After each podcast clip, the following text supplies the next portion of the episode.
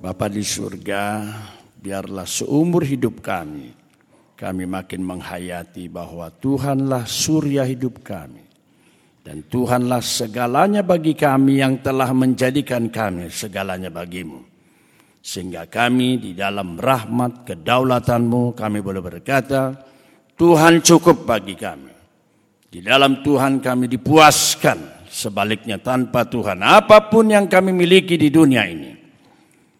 Kami bagaikan pundi-pundi yang bocor, berlobang, tidak pernah dapat dipenuhkan.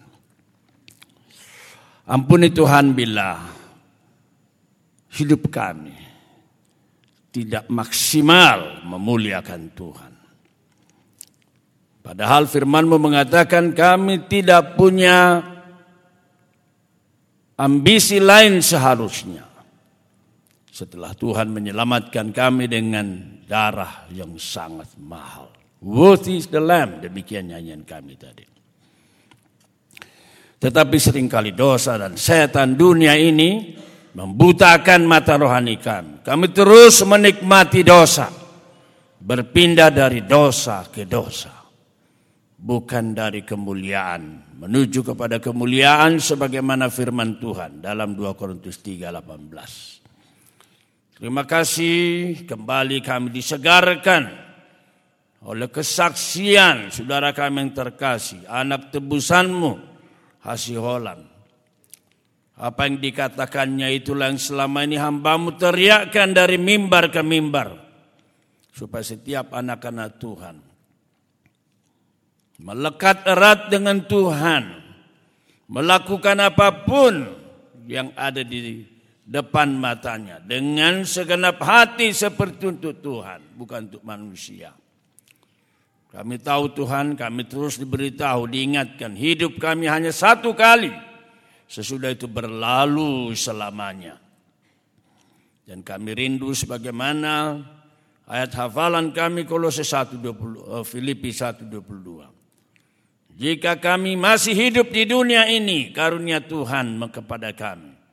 Itu kami gunakan memberi buah bukan memuaskan hawa nafsu daging kami yang tidak pernah puas sesungguhnya. Yang puas hanya setan dan Tuhan terus didukakan. Tuhan kami sudah menetapkan KTA 14 ini dengan tema utus kami untuk misimu. Itulah yang ditegaskan kembali tadi oleh anak Muhasiholan. Terima kasih Tuhan. Dia sudah menyebutkan begitu banyak hal yang bisa kami kerjakan Misi-misi yang Tuhan taruh di hati kami secara pribadi, sekecil apa pun itu. Kiranya sebentar kami melangkah meninggalkan kinasi ini. Tuhan memberkati kami dari tatam yang suci dan kami menjadi satu laskar-laskar sorgawi, alumni perkantas. Yang hidup hanya bagi Tuhan dan bagi kemuliaan nama Tuhan. Di tengah-tengah dunia yang terus menyusahkan hati Tuhan. Mendukakan roh kudus. Kiranya ada satu kelompok. Yang hidupnya hanya untuk memuaskan Tuhan. Maka kepada kami pun Tuhan layakkan. Sebagaimana Tuhan memuji Kaleb. Kaleb engkau berkati secara khusus karena hatinya lain dia mengikut engkau dengan segenap hati. Terima kasih Tuhan. Ingatkan kami firmanmu yang Tuhan tegaskan kepada anak-anak Eli ketika Tuhan menghukumnya. Barang siapa meninggikan aku akan kutinggikan. Tetapi barang siapa menghina aku akan kurendahkan, akan kuhukum. Bahkan seorang anak Imam Eli pun mati pada saat itu juga. Saya berdoa Tuhan supaya sama seperti roh yang menyala-nyala yang Tuhan taruh di dalam hati hambamu. Roh yang sama Tuhan taruh kepada ribuan alumni, hati alum, hati ribuan alumni. Menyala-nyala bagi Tuhan Yesus yang sudah berdarah-darah bagi kami. Terima kasih Tuhan. Terima kasih. Hambamu melihat barisan alumni yang cinta Tuhan. Yang melayani Tuhan. Yang menghamba bagi Tuhan. Terima kasih untuk setiap anak-anakmu yang sudah Tuhan beri kesempatan bersaksi. Menyaksikan imannya. Sebenarnya untuk itulah kami hamba-hamba menyerahkan diri. Di perkantas. Meninggalkan, menolak secara sadar. Semua tawaran dunia yang menarik dengan segala konsekuensinya. Kami diingatkan oleh firmanmu jika biji gandum tidak jatuh ke tanah dan mati. Dia akan tetap satu saja. Tetapi bila dia jatuh dan mati, dia akan menghasilkan banyak buah. Secara sadar firman inilah yang membuat hambamu mempersembahkan diri di perkantas bersama dengan ratusan dan ribuan yang mau menabur menanam hidupnya karena kami ingin menuai ingin menuai, ingin menuai. Kami tahu Tuhan, gereja-gereja megah belum tentu menghasilkan anak-anak Tuhan yang memuliakan Tuhan. Mata hambamu yang sederhana sering kali malah melihat sebaliknya. Hidup menyakiti hati Tuhan, makin jauh dari visi misi Tuhan. Benar Tuhan. Di dalam kitab suci baik perjanjian lama, baik perjanjian baru, kami tidak melihat bahwa Tuhan diikat oleh organisasi-organisasi apa pun, oleh institusi-institusi apa pun. Bahkan Tuhan memerintahkan bukan membuat gedung-gedung megah, tapi kemah-kemah yang siap dibongkar ulang dan dipasang kembali sesuai dengan maunya Tuhan. Tuhan bekerja melalui orang per orang. Hamba berdoa Tuhan di dalam kesadaran masih sadar usia makin senja ini supaya Tuhan terus memanggil, meneguhkan barisan alumni, baik di perkantas, di luar perkantas, yang hatinya menyala-nyala hanya bagi kemuliaan Tuhan Yesus. Dan kami yakin hanya dengan demikianlah. Itu satu-satunya cara kami menjawab pengorbanan Tuhan, kasih Tuhan yang tiada tara. Sekali lagi berkatilah Hasiholan, berkatilah pensi, berkati anak-anak, berkasih pekerjaannya. Dan biarlah Tuhan di dalam kedaulatanmu menempatkannya di tempat yang sangat penting sehingga republik ini bisa diperbaiki dengan baik. Bahkan juga kami berdoa untuk barisan alumni yang sudah Tuhan tempatkan. Berkati, teguhkan, jangan tergelincir Tuhan. Supaya kami semua secara penuh melakukan tema kami ini. Baik dalam mandat spiritual membawa manusia mengisi sorga. Atau mandat budaya memperbaiki bumi alam ciptaan ini. Agar dihuni semakin nyaman dan aman. Kami akan mendengarkan firman-Mu Tuhan berkati kami. Jika ada roh-roh jahat bermaksud mengganggu, mencuri perhatian kami. Sekali lagi di dalam nama Tuhan Yesus kami tolak, kami perintahkan meninggalkan tempat ini. Bapak Surgawi perintahkan malaikat-malaikatmu bersuka cita bersama kami dalam pesta rohani ini. Demi nama Yesus kami berdoa. Amin. Selamat pagi semua. Mari kita baca firman Tuhan dari Matius pasal 28 bagian yang sangat penting. Semua kita sudah tahu, saya harap saya bisa lebih cepat membawakannya. Mari kita baca bergantian. Kalau lihat ke depan merah putih, ya. Apa bagaimana lagunya itu? Merah darahku, bagaimana itu? Indonesia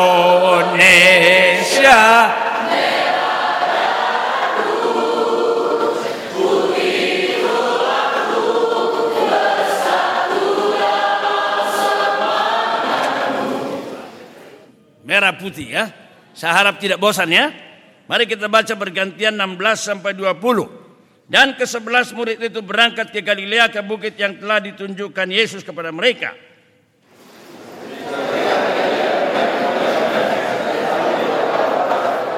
Yesus mendekati mereka dan berkata kepadaku, telah diberikan segala kuasa di sorga dan di bumi.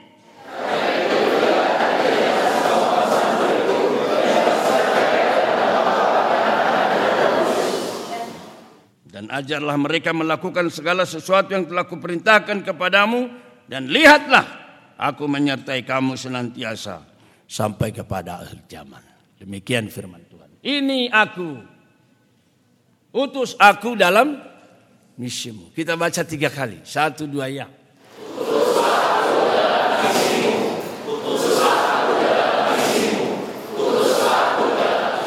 Ada lagu lagunya enggak ini nanti? Ada. Dari tadi kutunggu. Misalnya ini aku utuslah, enggak ada. Utus aku dalam misimu, enggak ada. Jadi nanti habisin lagunya apa? Utus kau, ah, itu semua melankolis sekali. Ya. Sama juga dengan lagu tadi. Ini aku, aduh melankolis sekali. Ya. Saya lebih suka itu. Tapi yang main musiknya anak saya tadi, saya diam-diam aja. Saya lebih suka, kalau biasa itu di kaset lambat, saya lebih suka bikin emosinya. Ini aku, utus aku, ku dengar. Bagaimana? Ah, coba dari ini satu dua ya. Ini aku. Semua.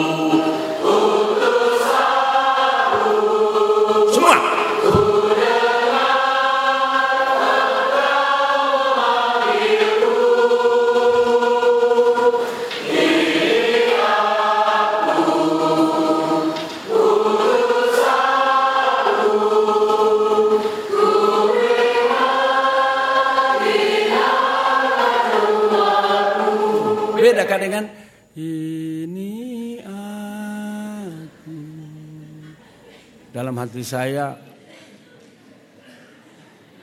ya memang berat juga sih.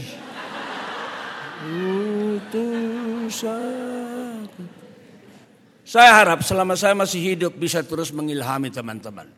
Saya berkata kepada kalian tadi malam dan saya berkata secara sadar. Saya di perkantas, saya melayani pekerjaan Tuhan bukan memberi perpuluhan, bukan memberikan tenaga, tapi memberikan seluruh hidup saya. Di sini ada anak saya. Saya senang tadi melihat mereka. Stefan yang ganteng dan Abdiel yang ganteng. Mereka melayani sama-sama. Kenapa? Stefan yang ganteng dan Abdiel yang ganteng kan?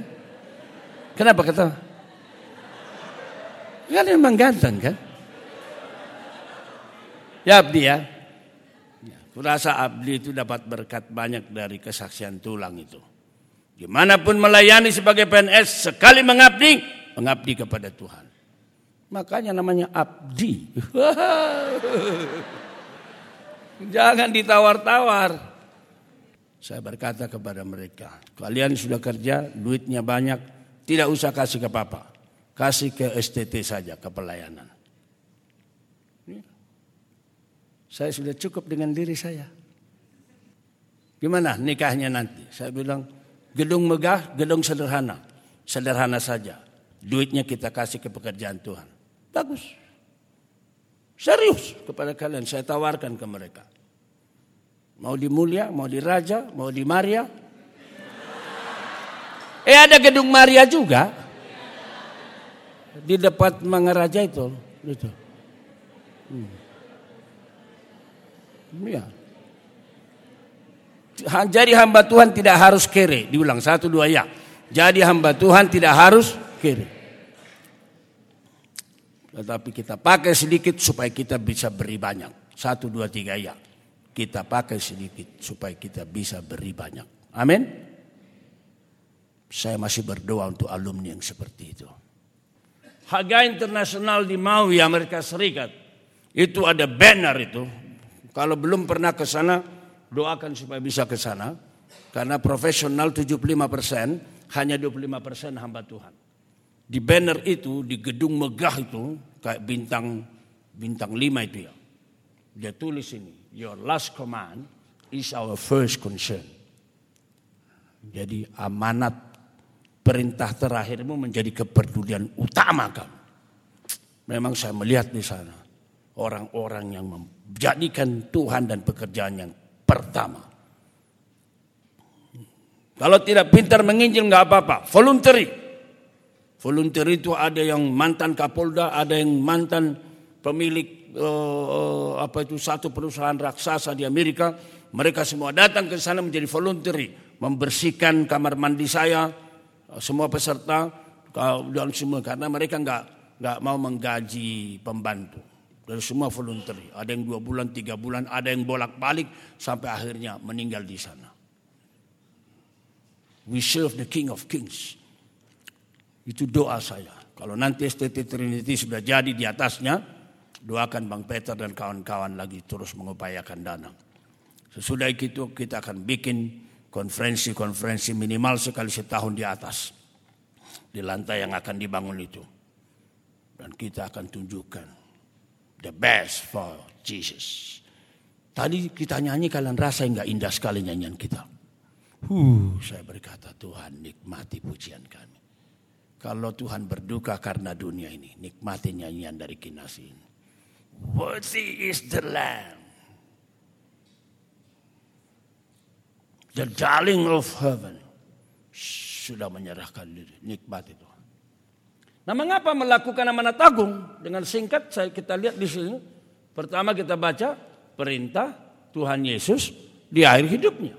Perlu diperhatikan bahwa keempat Injil berakhir dengan pengutusan. Matius kita baca, Markus kita baca, Markus 16, 15 beritakan Injil. Lukas kita baca, Yohanes juga sebenarnya. Saya lupa menuliskan. Yohanes, hmm, sama seperti Bapak mengutus aku, demikian aku mengutus kamu. Lalu teladan Tuhan Yesus. Teladan. Markus 1, 38. Ketika dicari oleh murid-murid ketika dia berdoa, semua orang mencari engkau. Tuhan berkata apa? Mari kita pergi ke tempat-tempat lain, ke kota-kota yang berdekatan. Supaya di sana juga aku memberitakan Injil. Untuk itu aku telah datang. Dan itu juga, ini ayat-ayat kesukaan STT Trinity. Saya berkata kepada mereka, Bapak digerakkan Tuhan oleh ayat ini. Pergi ke seluruh dunia. Kiranya kalian anak-anak rohaniku, jadikan ini milikmu. Coba kita lihat, Matius 9.35. Satu, dua, tiga, iya.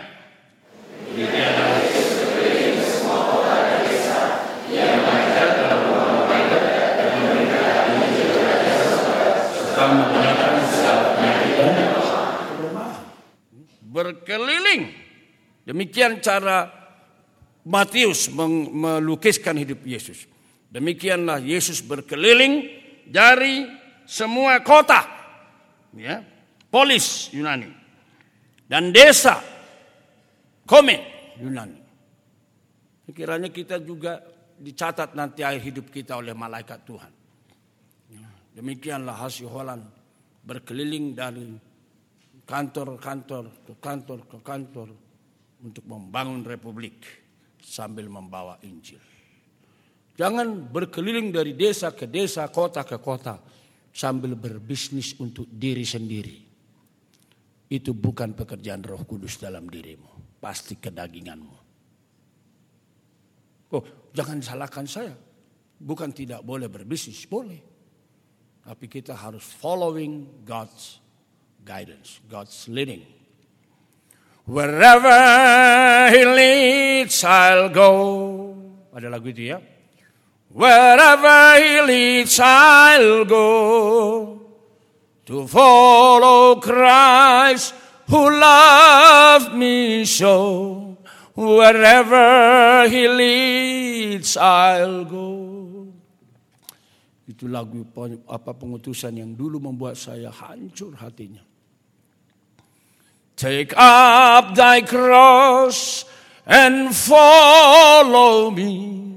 I heard my master say, surrender life, serahkan hidupmu dan ikutilah aku dan teruslah beritakan kabar baikku. Wherever he leads I'll go. Wherever he leads I'll go.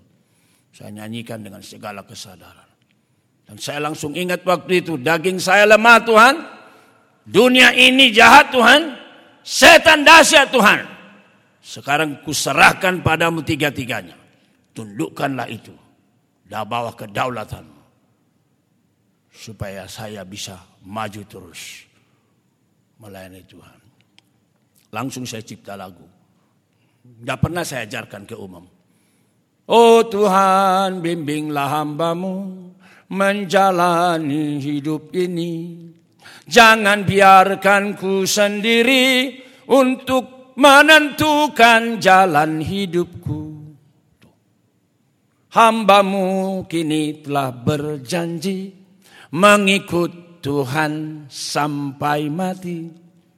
Jangan biarkan ku ingkari, kuatkan dan teguhkan sampai ku menang. Puji Tuhan. Kalau hari ini saya dipanggil Tuhan, lagu itu sudah genap. Tapi belum, jangan khawatir, belum. Belum. Ya, belum. Karena saya berdoa minimal 100 orang ku persembahkan bagi Tuhan, hamba Tuhan. Baru kalau Tuhan berkenan panggil saya. Baru 22. Masih ada 78 lagi. Teladan Tuhan Yesus, teladan rasul-rasul. Kisah 1 ayat 8 semua kita tahu. Dan apa yang terjadi? Kisah 1.15 mereka baru 120 orang. Kisah 2.41 sudah 3.000 orang. Kisah 4 ayat 4 berapa? Wah berkembang luar biasa karena mereka menaati itu. Kisah 4 ayat 4 berapa? Karena ini kita baru memperingati hari Pentakosta, ini cocok ini. Kisah 4 4, 1 2 iya. Tetapi di antara orang mendengar ajaran itu banyak menjadi percaya sehingga jumlah mereka menjadi 5000 laki-laki, hanya laki-laki, jangan salah hitung. Katakanlah perempuan dan anak-anak itu 7000, berarti 12000. Dari 120 ke 12 ribu berapa persen Bang Heran? 10 ribu persen ya? Dahsyat tuh. Tadi saya berkata ketika kita nyanyi Worthy to Lamb saya berkata Tuhan Tuhan dahsyat Kendalikan alumni ini yang hadir di sini dan yang tidak. Jangan terus jatuh bangun dalam dosa yang sama. Tapi terbang tinggi bagai Raja Wali melayani Tuhan. Memberi kemuliaan bagi nama itu doa saya tadi. Taat mereka. Dahsyat. Kita baca 5, 514. Lebih banyak lagi 514. 1, 2, 3, 4. Dan makin lama makin bertambahlah jumlah orang percaya kepada Tuhan. Baik laki-laki maupun perempuan. Berapa jumlahnya? Bang Bernard, berapa jumlahnya? Enggak ditulis lagi. Rupanya Lukas selama ini rajin pakai cetek-cetek. Sampai sekarang ah, sudahlah banyak banget perlipatannya. Ya. Ya. Makin bertambah itu saja. Berhenti statistik. Itu. Dan itu akan begitu terus. Kalau kita baca pasal 6 ayat 1 begitu juga. Pada masa itu ketika jumlah murid makin bertambah. Tidak ada berapa. Dream saya kita punya KTA ini terus bertambah dan bertambah dan bertambah. Akhirnya kita tidak pakai di sini lagi, tapi di depan. Tiap tahun. Kalau semua kita bermisi untuk supaya maksimal KTA ini, bisa itu, bisa. Satu orang bawa satu tahun depan, maka sudah 600-an. Nggak boleh lagi di sini, mesti pindah ke sana. Jangan hanya Kamp Nasional Mahasiswa di depan kita. Alumni juga. Mahasiswa banyak, dosanya belum terlalu banyak yang menggoda. Ya kan? Yang banyak menggoda itu alumni. Iya. Makanya kalau alumni jungkir balik dalam dosa, saya ngerti. Kadang-kadang saya khotbahnya sangat strict. Hidup suci. Tapi kadang-kadang saya khotbahnya nggak mau saya hidup suci. Allah itu sangat baik. Meskipun dosamu merah seperti kermizi. Kau ingat Tuhan bertanya, itu orang berhutang. Berapa kali mengampuni? Tujuh kali bukan tujuh kali. Tujuh puluh kali tujuh kali. Masih kali, kali berapa? Terus. Artinya apa? Tuhan mau kita mengampuni tidak terbahas, terbatas, terlebih lagi. Dia mengampuni kita tidak terbatas. Jadi bangkit lagi. Jangan biarkan dosa terus merajalela. Jadikan Kristus Tuhanmu. Layani dia dan nikmati kasih sayangnya. Kalau kisah 28 itu Paulus jadi tahanan rumah. Memberitakan Injil. Ya, coba kita lihat kisah 28. Jadi itu sangat luar biasa. Kisah 28, 30, 31. Dan Paulus tinggal dua tahun penuh di rumah yang disewanya sendiri itu. Ia menerima semua orang datang kepadanya dengan terus terang dan tanpa rintangan apa-apa. Ia memberitakan kerajaan Allah dan mengajar tentang Tuhan Yesus. Puji Tuhan. Jadi tema utama kisah Rasulullah kerajaan Allah, the kingdom of God. Makanya ketika di ayat 6 ke bawah ditanya, Guru, kapan engkau mendirikan kerajaan bagi Israel? Tuhan berkata, bukan kerajaan bagi Israel, kerajaan Allah. Memang harus kita kelola bumi dengan baik, mandat budaya. Tapi semua itu harus diorientasikan kepada kekekalan. Empat. Mari kita baca. Mengapa? Buah dan bukti keselamatan dan kedewasaan. Jadi kalau rekan-rekan sudah diselamatkan dan sudah dewasa, pasti bermisi. Lihat tadi kalimatnya, saudara kita Hasiholan. Pasti bermisi. Saya sudah bertemu dengan orang-orang yang hatinya menyala-nyala. Sama, kita memiliki persamaan. Mencari-cari kesempatan untuk melayani Tuhan. Nah Matius pasal 4 itu adalah panggilan untuk rasul-rasul. Mari ikutlah aku yang begitu loh. Kamu akan kujadikan penjala manusia. Jadi 24 pasal sebelumnya dari 28 tadi ada kalimat ini. Mari kita baca. Saya baca 18 Rekan-rekan baca 19. Ketika Yesus sedang berjalan menyusul danau Galilea, yang melihat dua orang bersaudara, yaitu Simon Petrus, Andreas saudaranya. Mereka sedang menebarkan jala. Jadi kaum profesional ini di danau sebab mereka penjala ikan. Semua?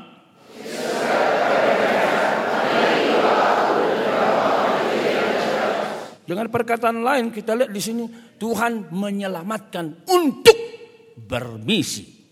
Design save for mission. Tidak ada itu save for santai-santai. Saved for mission. Kita diselamatkan untuk membawa Injil kepada orang lain. Kalau belum, memang nothing happen. Tidak bisa itu. Kedagingan kita tidak boleh terlibat dalam pelayanan Tuhan. Kalau masih belum hidup barunya belum jelas, jangan. Nanti akhirnya merusak pekerjaan Tuhan. Inilah kesaksian Paulus. Mari kita lihat Galatia pasal 1, 15, 16. Salah satu rasul yang sangat saya kagumi. Separuh perjanjian baru keluar dari tangannya. Udah menulis separuh perjanjian baru masih pelayanannya luar biasa. Kalau kita mempelajari kota-kota yang dijalaninya, aduh. Saya menangis waktu saya menginjak Athena.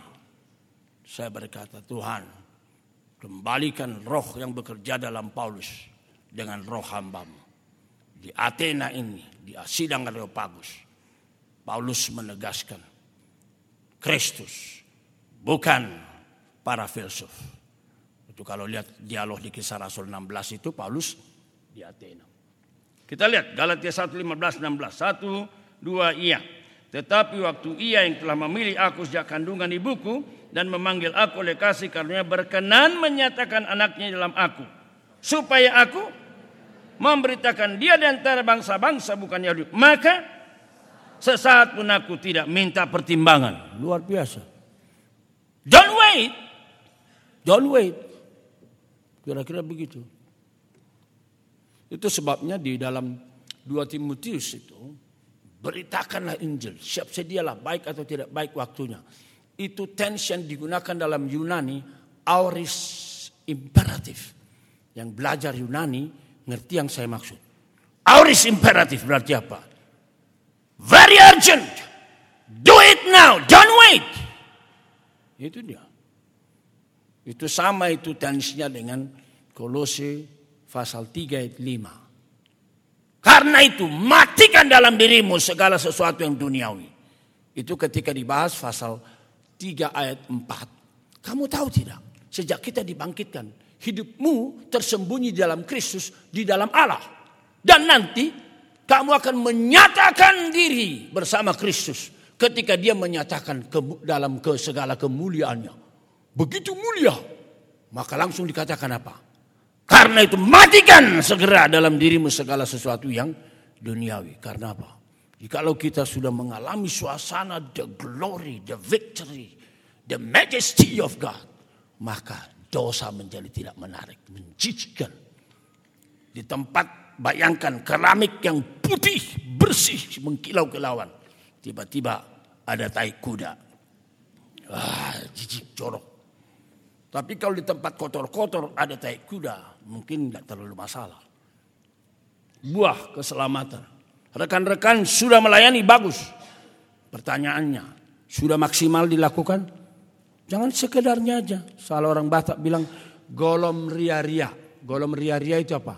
Dipegang tidak dipegang. Bukti kasih kepada orang berdosa juga. Yohanes 3:16. For God so loved the world. Karena dia mengasihi Kristus dikirim. Paulus berkata demikianlah kami. Dalam kasih sayang besar akan kamu. Bukan saja rela membagi diri kami. Tapi Injil Kristus kami serahkan. Matius 20, 14, 15 juga begitu. Lalu Judas, nah saya suka Judas ini. Mari kita baca. Judas 1, 23 digunakan kata merampas. Merampas Kiranya rekan-rekan yang bersemangat menginjil, mendengarkan uh, firman Tuhan pagi ini makin menyala-nyala, mendidih, marsi gorgor kata bahasa Jerman. Mari kita baca. Saya baca dua-dua. Teman-teman baca dua-tiga. Tunjukkanlah belas kasihan kepada mereka yang ragu-ragu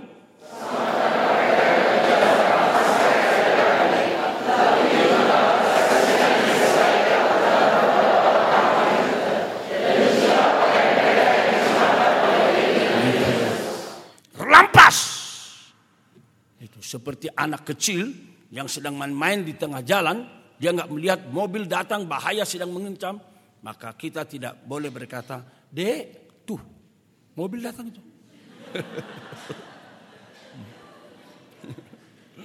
Ada juga yang begitu, sudah sedeng. Tapi kalau tidak sedeng dia, dia langsung kejar. Adik! Tarik mungkin dia lompat bersama adik itu, maka lepas. Itu yang harus kita lakukan melayani Tuhan. Sempat tidak sempat, sempatkan. Saya senang anak-anak saya, saya tahu mereka sibuk. Tapi tetap bisa melayani. Bandingkan tindakan para utusan Injil, misionaris. No mention ke Batak, Sadra ke Jawa, Yosef Kam ke Maluku, Jeffrey ke Sulawesi, Deninger ke Nias. Karena mereka mencintai. Pergi jalan-jalan ke salib kasih. Ya Tuhan biarlah hidup dan matiku ada di tengah-tengah bangsa Batak. luar biasa. Nah ini sebenarnya sudah saya tulis ini banyak alasannya mengapa memberitakan Injil amanat agung dalam buku kecil saya. Mungkin masih ada di bawah. Kalau tidak ada ada di mobil saya. Kalau ada yang mau baca tapi nggak bawa duit, bawanya kartu kredit jadi nggak bisa digesek. Nanti minta aja sama saya. Kita kita bikin gratis saja. Mari kita baca satu yang.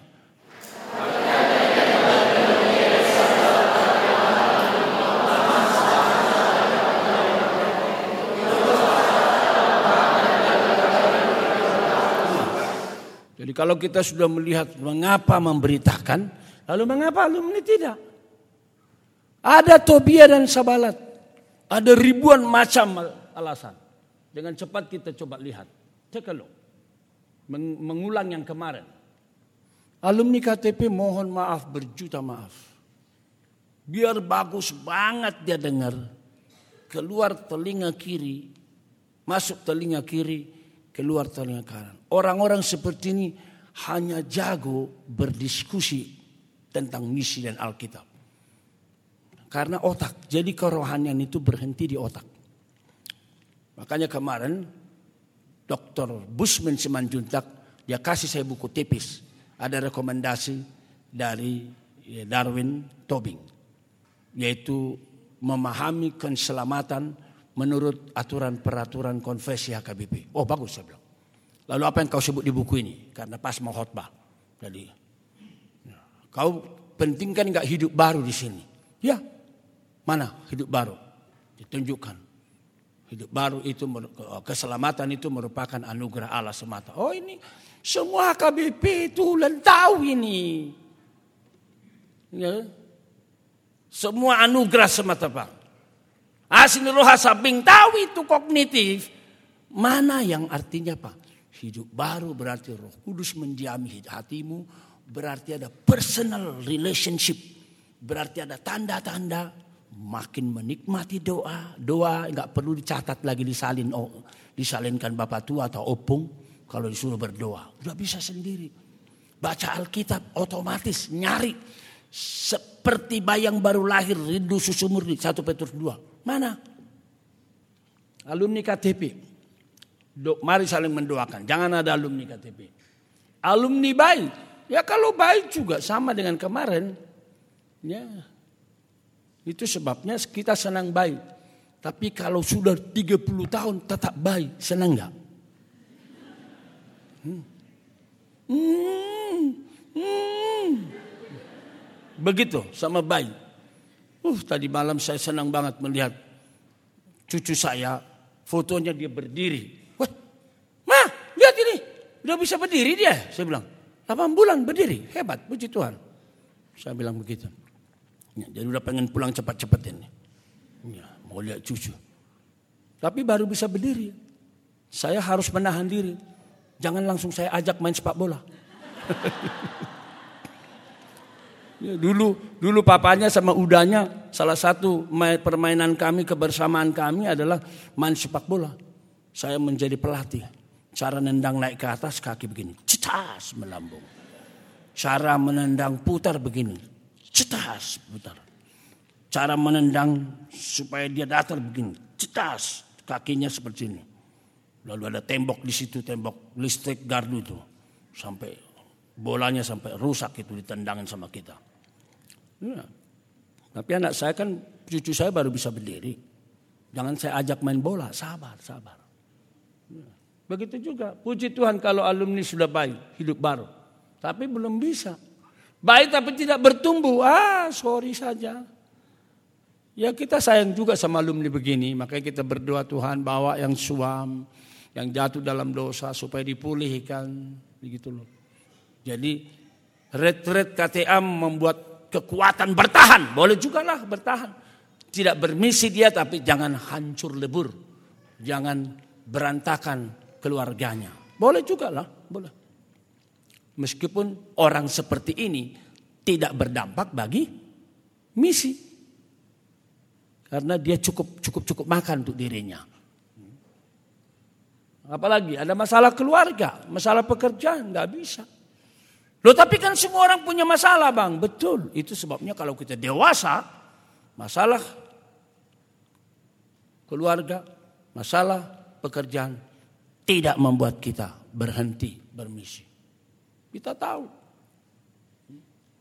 Tidak boleh ada yang merentangi dan melemahkan saya. Tobia dan Sanbalat harus dihancurkan. Tidak ada hakmu dalam bagian ini. Kan begitu kemarin kita baca kan. Allah berperang bersama kami. Ya. Masalah ada dalam keluarga, masalah ada dalam pekerjaan, Allah berperang. Tuhan tolong saya mengatasi ini. I have done my best. Ya. Masalah doktrin, kalau Bapak Ibu tidak percaya Yesus Allah, tidak percaya keselamatan, finalitas Kristus, yang dibutuhkan bukan menginjil, yang dibutuhkan dialog. Begitu katanya. Kalau Bapak Ibu, rekan-rekan percaya menganut gereja yang inklusif, seperti doktrin dari PGI, PGI itu inklusif. Semua orang akhirnya masuk diselamatkan. Begitu.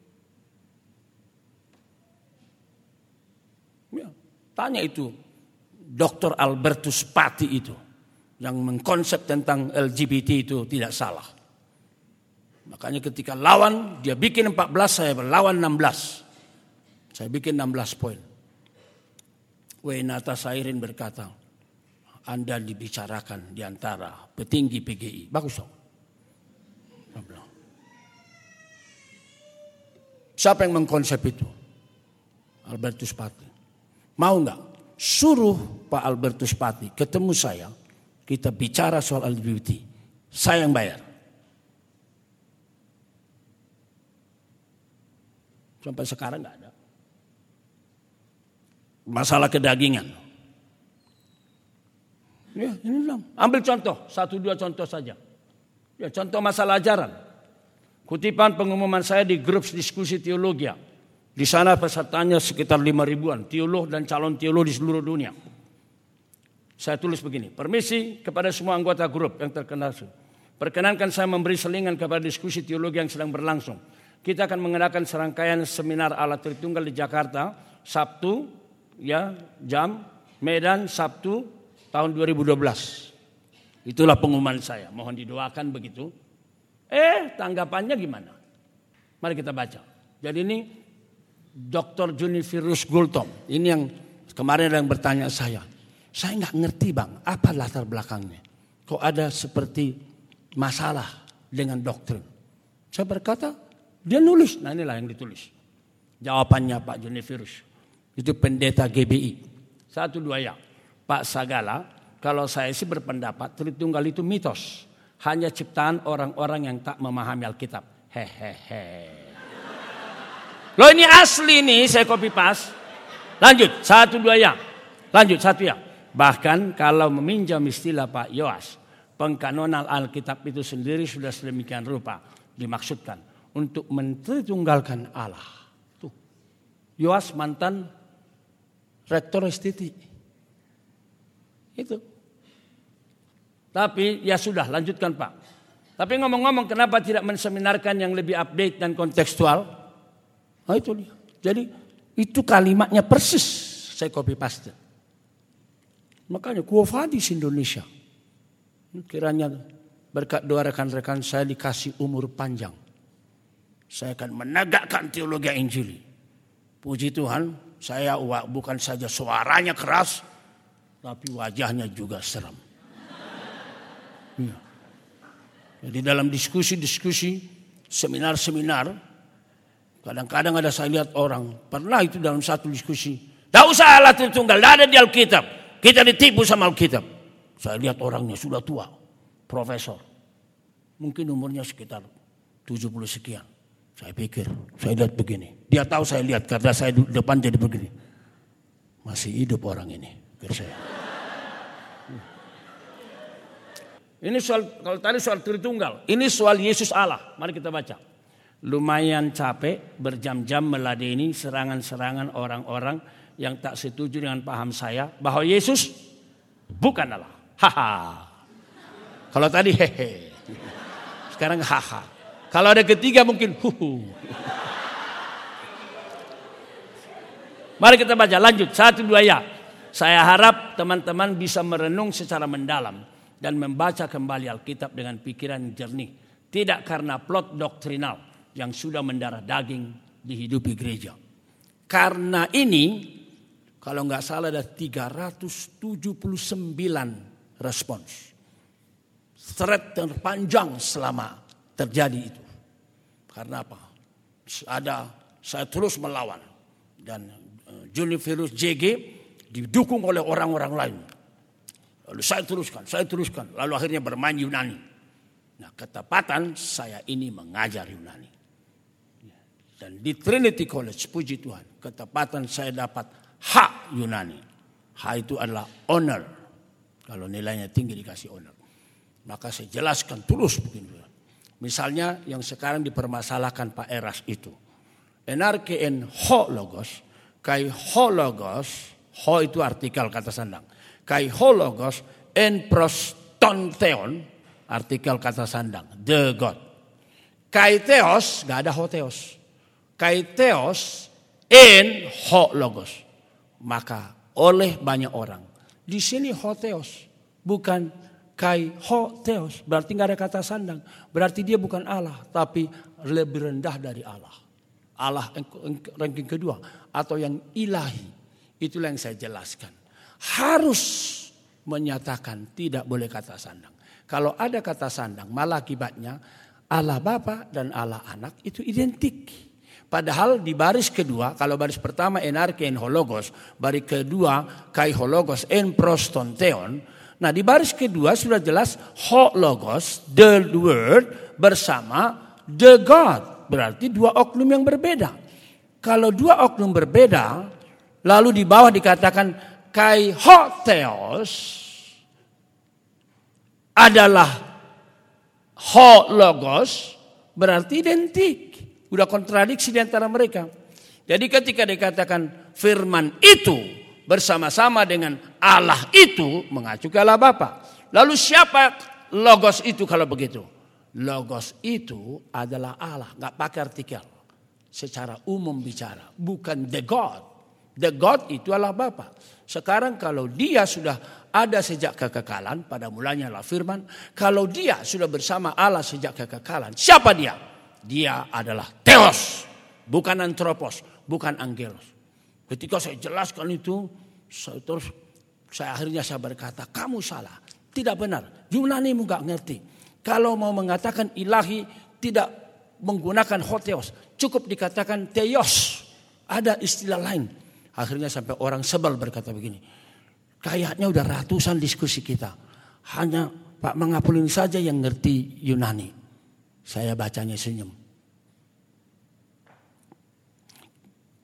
Tapi saya nggak tulis dalam hati saya ada begini. Kalau lu ngerti tuliskan dong. Buktinya lu nggak ngerti. Itu. Makanya mahasiswa kita saya berkata wajib Yunani wajib, Ibrani wajib. Jangan jelaskan Alkitab dari terjemahan, harus bahasa asli. Waktu di Mawi tadi, yang saya sebut ada mengajarkan tentang Yunani tapi salah. Saya berkata Yunani saya salah. Oh dia tersinggung. Setelah break dia tegur saya dengan keras. I am the speaker. Bukan segala. Ya makanya dengan sopan saya berkata. Kayaknya Yunaninya salah. Kan begitu saya. Saya tidak humiliate Bapak. Saya tahu kau kau pembicara. Maka saya duduk. Tapi supaya penyesatan tidak terjadi. No, don't mention them. Kamu tahu sekolah ini dari buku dia saya ambil itu. Baik. Nanti saya kasih ke Pigeon Holmo. Saya fotokopi semua. Ada sekitar 40 halaman. Lalu setelah saya baca, siang hari dia berkata, segala sudah ketemu, saya sudah kirim, sudah. Dia benar, saya pengagum orang itu. Tapi justru yang ditulisnya yang salah. Dan itu yang Bapak kutip. Yang benar itu lihat. Berapa halaman lagi saya sudah ini yang benar ini. Jadi bapak kan salah. Dia lihat saya. Di mana kau studi? Saya berkata di Trinity College. Saya belajar dokter biblika dan researchnya di Cambridge dan di Roma. Cambridge, no wonder, thank you brother. Dalam hati saya begitu disebut Cambridge langsung thank you brother. Nah, itu dia. Makanya tadi Hasi Holam berkata, kalau ada orang muda mau belajar, dukung. Puji Tuhan, salah satu staf kita sudah di Cambridge dan dia sudah jadi resource person tiga kali di pertemuan Biblika Internasional. Saya hadir saja udah bangga saya tahun 2003. Para ahli kelas satu dunia. Eh dia pembicara. Maka saya berkata, saya bersyukur kepada Tuhan. Tidak sia-sia saya merekomendasi kamu kepada Craig Evans waktu itu. Saya berkata, she is my best student. Give her the opportunity. Lalu jadilah dia MDiv. Ayo kita doakan. Biarlah dari perkantas muncul teolog-teolog yang otaknya cerdas dan hatinya terbakar bagi Tuhan. Dan dari perkantas muncul juga konglomerat-konglomerat yang uangnya banyak dan hatinya melekat sama Tuhan. Cari banyak. Tabung banyak. Persembahkan banyak. Saya sadar. Saya tidak bisa sekaligus belajar teologi dan mencari uang banyak. Nggak bisa. Saya mati-matian belajar teologi. Dan saya berkata, kirimkan Tuhan yang cinta kepada Tuhan. Supaya visi yang dari Tuhan digabung dengan duit yang banyak. Digabung dengan kuasa. Kalau ada misalnya jenderal-jenderal yang cinta Tuhan.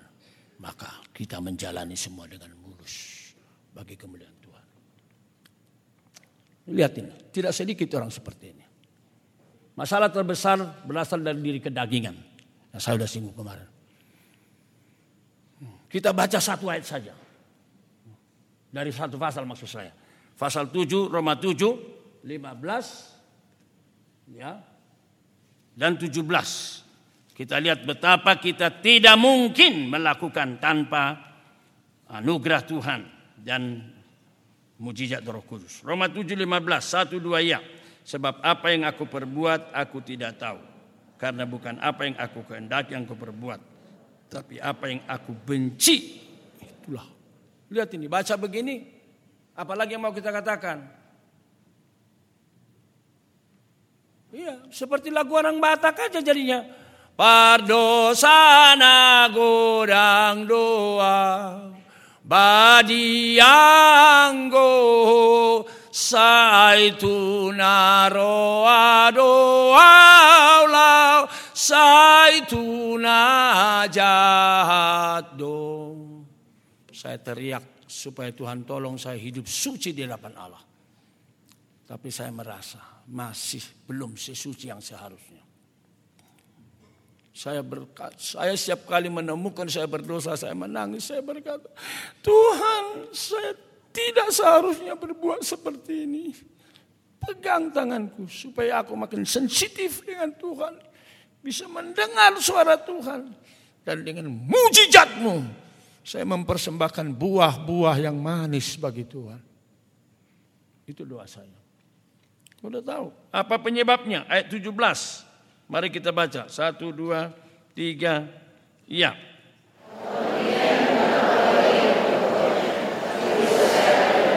Iya, dosa di dalam aku. Itu diulangi lagi nanti di ayat 19, 20. Tolong perempuan baca 19, 20 baca pria. Satu, dua, ya.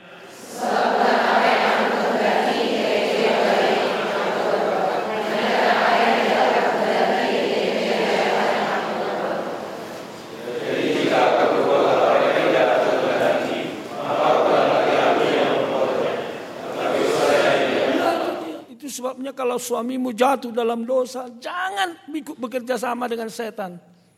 Jangan buktikan dia berdosa, jangan hancurkan dia berdosa.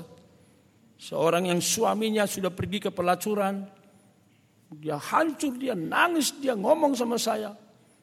Dan dia berkata, saya sangat benci, harus segera cerai. Saya berkata, jangan. Saya duluan nangis kepada dia, jangan. Setan itu hebat. Suamimu lagi jatuh dalam dosa. Jangan cerai. Jangan cerai. Itu saya nangis. Akhirnya dia pun melihat saya nangis. Saya kasihan dia anakmu ini. Ini anakmu dua besar-besar. Pertahankan terus. Demi nama Tuhan. Demi kemuliaan Tuhan. Demi nama anakmu. Doakan suamimu ini. Setelah kita nangis begitu. Nangis bersama. Dia berkata, bang apa yang saya lakukan? Ya doakan suamimu. Terima dia kembali. Saya jijik bang katanya. Ya kalau kamu jijik ya sudah. Tidak usah campur. Tapi topang dia. Doakan dia. Setan itu ada. Dan dia tertipu. Mungkin terlalu capek. Mungkin kurang persekutuan. Saya berkata sekarang kau silakan bicara. Kau tega kau mengkhianati istrimu. Dua anakmu baik-baik. Bertahun-tahun hidup dalam pelacuran. Kenapa begitu? Saya pun laki-laki juga. Saya pun punya nafsu juga. Coba buka supaya kita bisa berdoa minta sama Tuhan. Dia pun cerita satu demi satu. Memang mulanya bermain-main. Ya, mulanya saya dengan teman kantor kompak. Istriku tahu karena itu percaya. Lalu kemudian kami affair. Tapi nggak bisa kulakukan itu terus. Akhirnya apa? Ku cari sasaran lain. saya pun pergi ke situs-situs. Lalu kemudian saya pun pergi ke pelacuran. Dan kamu terus dari majelis. Ya. Ya, matamu sudah dibutakan. Kamu mau kembali? Dia berkata, mau bang, doakan. Ya, kita doakan. Dan saya berkata, Tuhan, kau Tuhan yang bangkit, Tuhan yang mematahkan kuasa setan, mempermalukannya di kayu salib. Biarlah genap dalam diri orang ini. Puji Tuhan, Tuhan menjawab. Kalau kita baca 24, ini seruan klimaks dari daging. Satu, dua, tiga, ya. Aku manusia celaka. Siapa yang melepaskan aku dari? Manusia celaka. Bahasa bahasa Yunani talai poros antropos. Itu. Aku manusia celaka. Makanya saya makin bersyukur untuk hidup suci. Kalau tadi Bang Syihol berkata, sekecil apa pun pekerjaan itu nikmati. Saya berkata sekarang, sekecil apa pun kesucian itu nikmati. Kau bisa sekedar sun istrimu, sun lah. Saya belum bisa merangkul penuh, ya sekedar sun. Kamu bisa sun lebih lama, kamu kamu bisa sambil cium, sambil peluk, sambil berdoa, lakukan. Itu semua pekerjaan. Saya merasa semua anugerah Tuhan. Ketemu anakmu kau peluk dia, kau rangkul dia. Rangkul sehangat-hangatnya. Saya sibuk Tuhan, jarang ketemu anakku ini. Terima kasih kau jaga dia seperti biji mata Tuhan. Lakukan. Anugerahnya melimpah atas kita. Puji Tuhan. Ya. Lalu mari kita baca.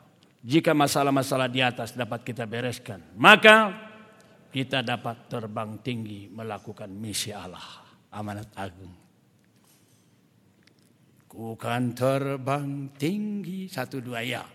Ku kan terbang tinggi.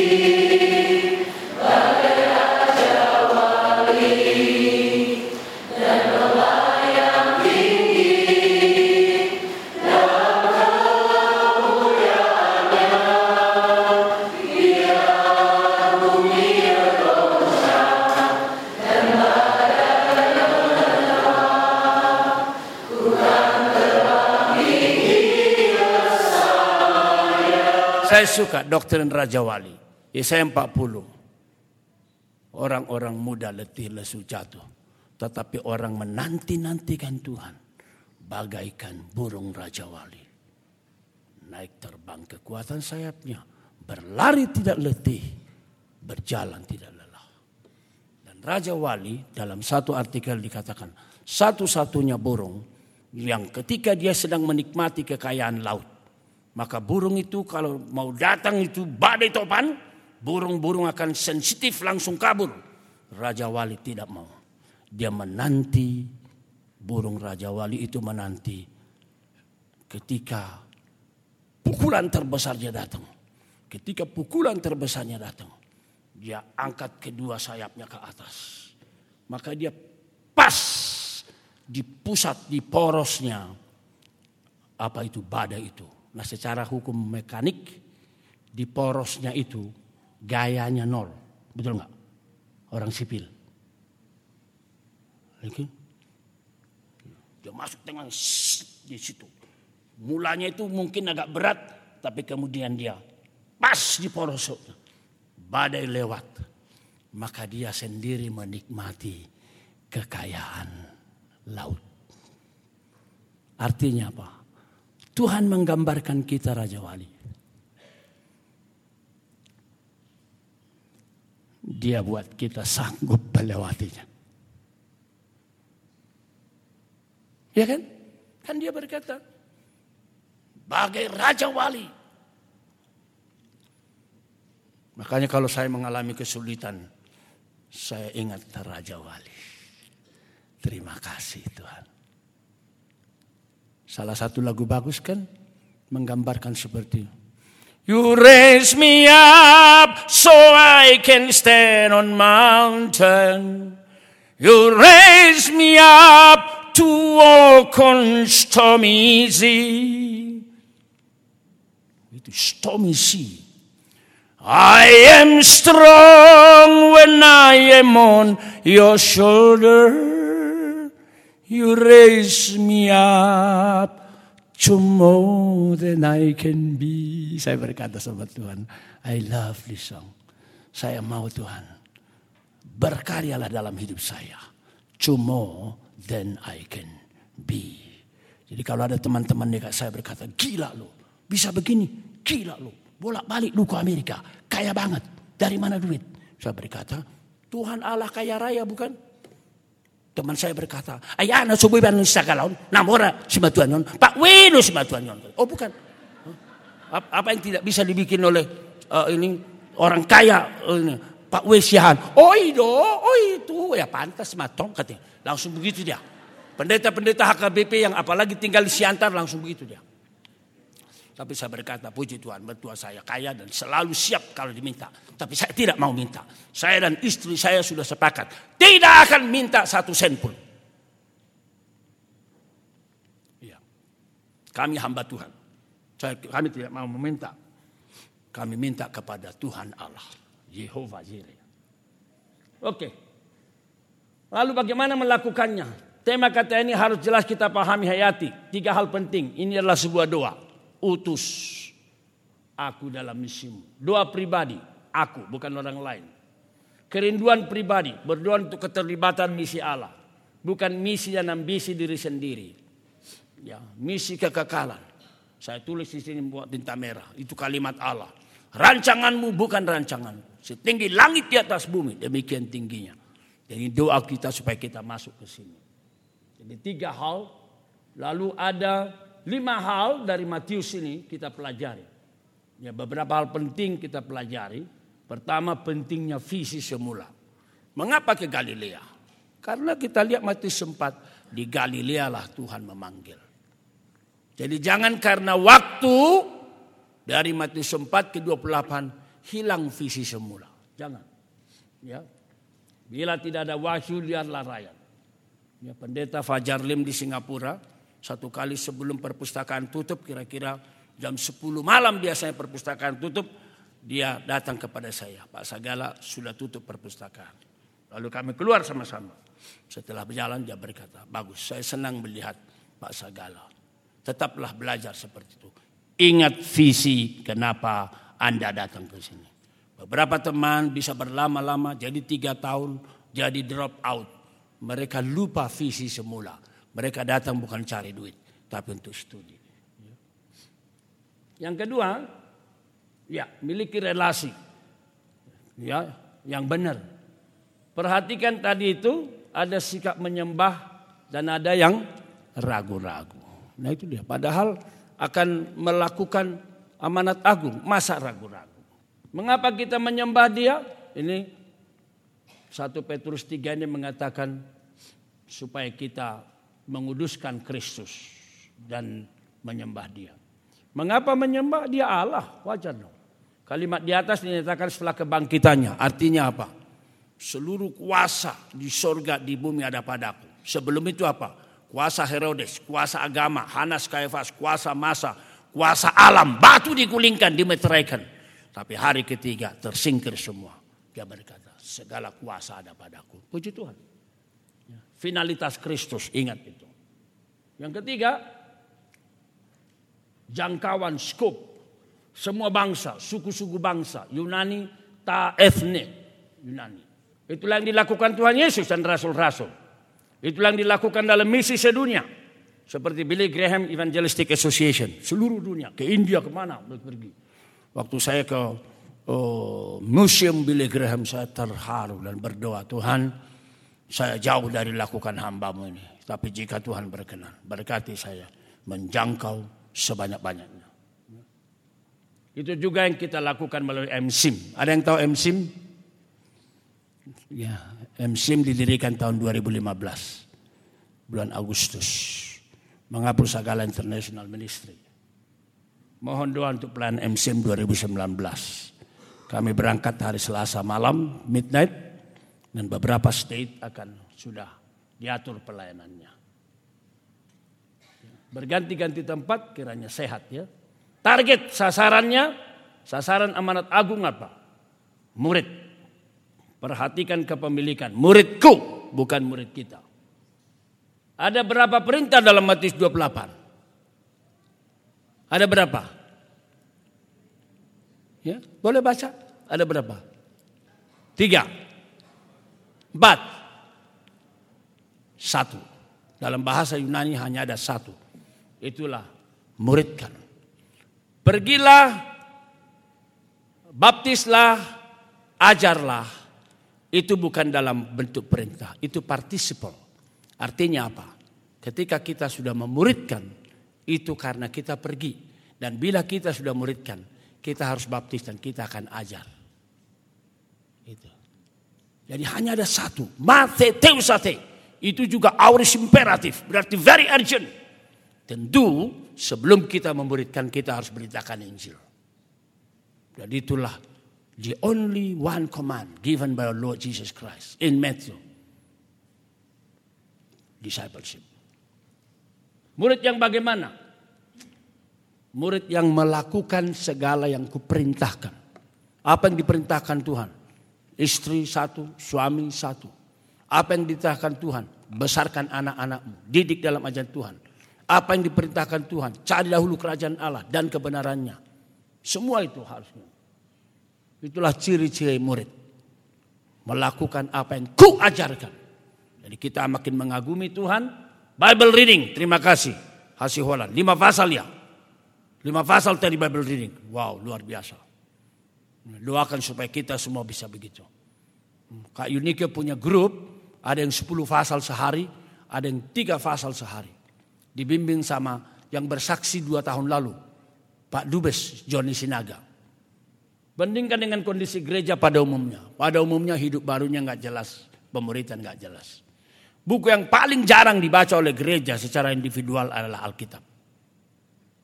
Jadi jangan terhibur dengan nyanyiannya. Nyanyiannya sih keren. Hatami ale Tuhaku artana umargai sai paian di rohaku. Unang sohu tiopi molo sobesi tiopon hatana badiai.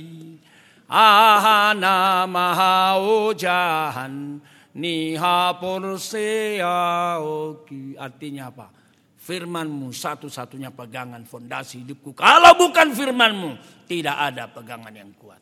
Nyanyinya bagus. Makanya orang Batak itu nyanyiannya Injili.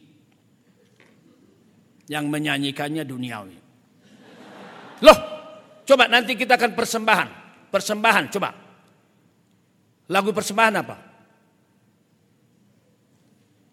Nasanani lehonmi, Tuhan karuniamu, tubuh nyawa jiwaku, harta seluruhnya kuserahkan padamu. Tapi persembahan pada umumnya di gereja-gereja Batak 2000. Jadi nyanyinya Injili.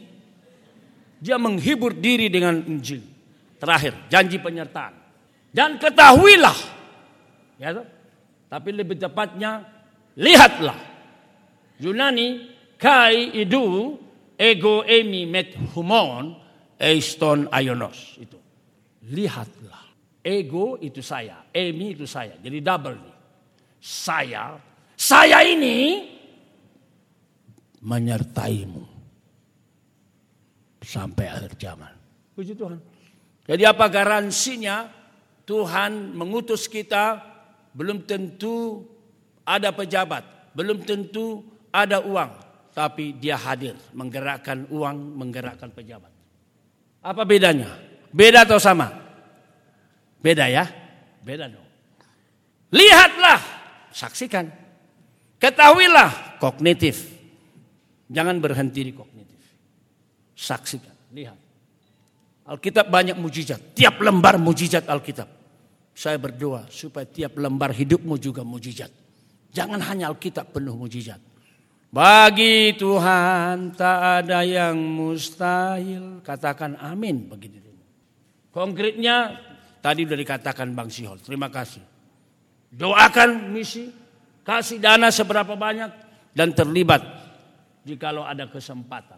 Kondisi kekristenan di Indonesia, khususnya kantong-kantong Kristen. Lihat itu.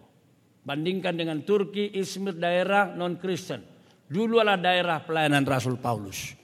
Dan sekarang kalau lihat di Samosir, nyeberang dari Ajibata, lihat makin banyak non-Kristen dengan gaya berpakaiannya. Lihat sepanjang Danau Toba, tempat-tempat ibadah berdiri megah. Itu bukan tempat Kristen. Saya berkata, Tuhan, apakah nanti daerah ini akan menjadi seperti Izmir Turki? Pikiran saya berbicara. Jikalau umat STT berjuang bersama, saya akan menghambat cara itu. Mari kita renungkan kembali Yohanes 3:16. Satu, dua, tiga ya. Karena begitu besar kasih Allah akan dunia. Sehingga diberikannya supaya setiap orang percaya kepada yang tidak binasa melainkan beroleh hidup yang kekal. Satu Tesalonika 2. Demikianlah kami dalam kasih sayang besar akan kamu bukan saja rela membagi Injil Allah tetapi juga hidup kami sendiri karena kamu sudah kami kasih. Mari kita berdoa. Kita nyanyikan bagi yang tahu boleh bantu saya sebagai lagu komitmen penutup kita. Bagi Tuhan tak ada yang mustahil. Boleh musiknya? Punya berdiri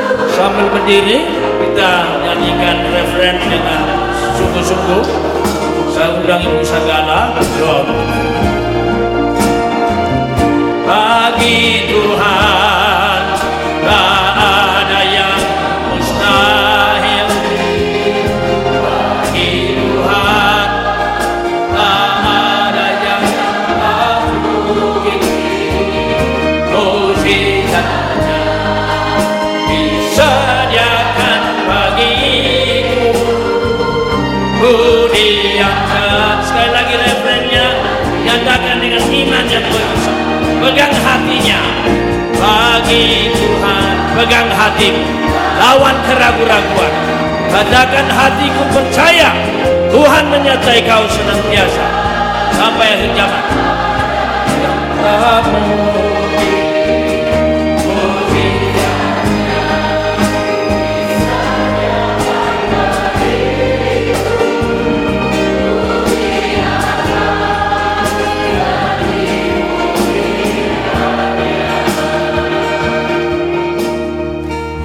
Bapa di surga, kami adalah anak-anakmu, alumni-alumni yang bersedia dipakai oleh Tuhan dengan segala apa yang kami punya. Mungkin kami bukan orang-orang yang hebat, orang-orang yang sederhana, tetapi yang mau sungguh-sungguh dipakai Tuhan dengan segala kemampuan kami. Tapi kami percaya di dalam kuasa Roh Kudus yang bersama dengan kami, kami boleh melakukan berbagai macam hal yang dapat mempermuliakan, membesarkan, meninggikan nama Tuhan. Pakailah kami di setiap tempat di mana Tuhan mengutus kami. Terima kasih Bapak yang baik. Di dalam nama Tuhan Yesus kami berdoa. Amin. Satu kami maju membangun kerajaan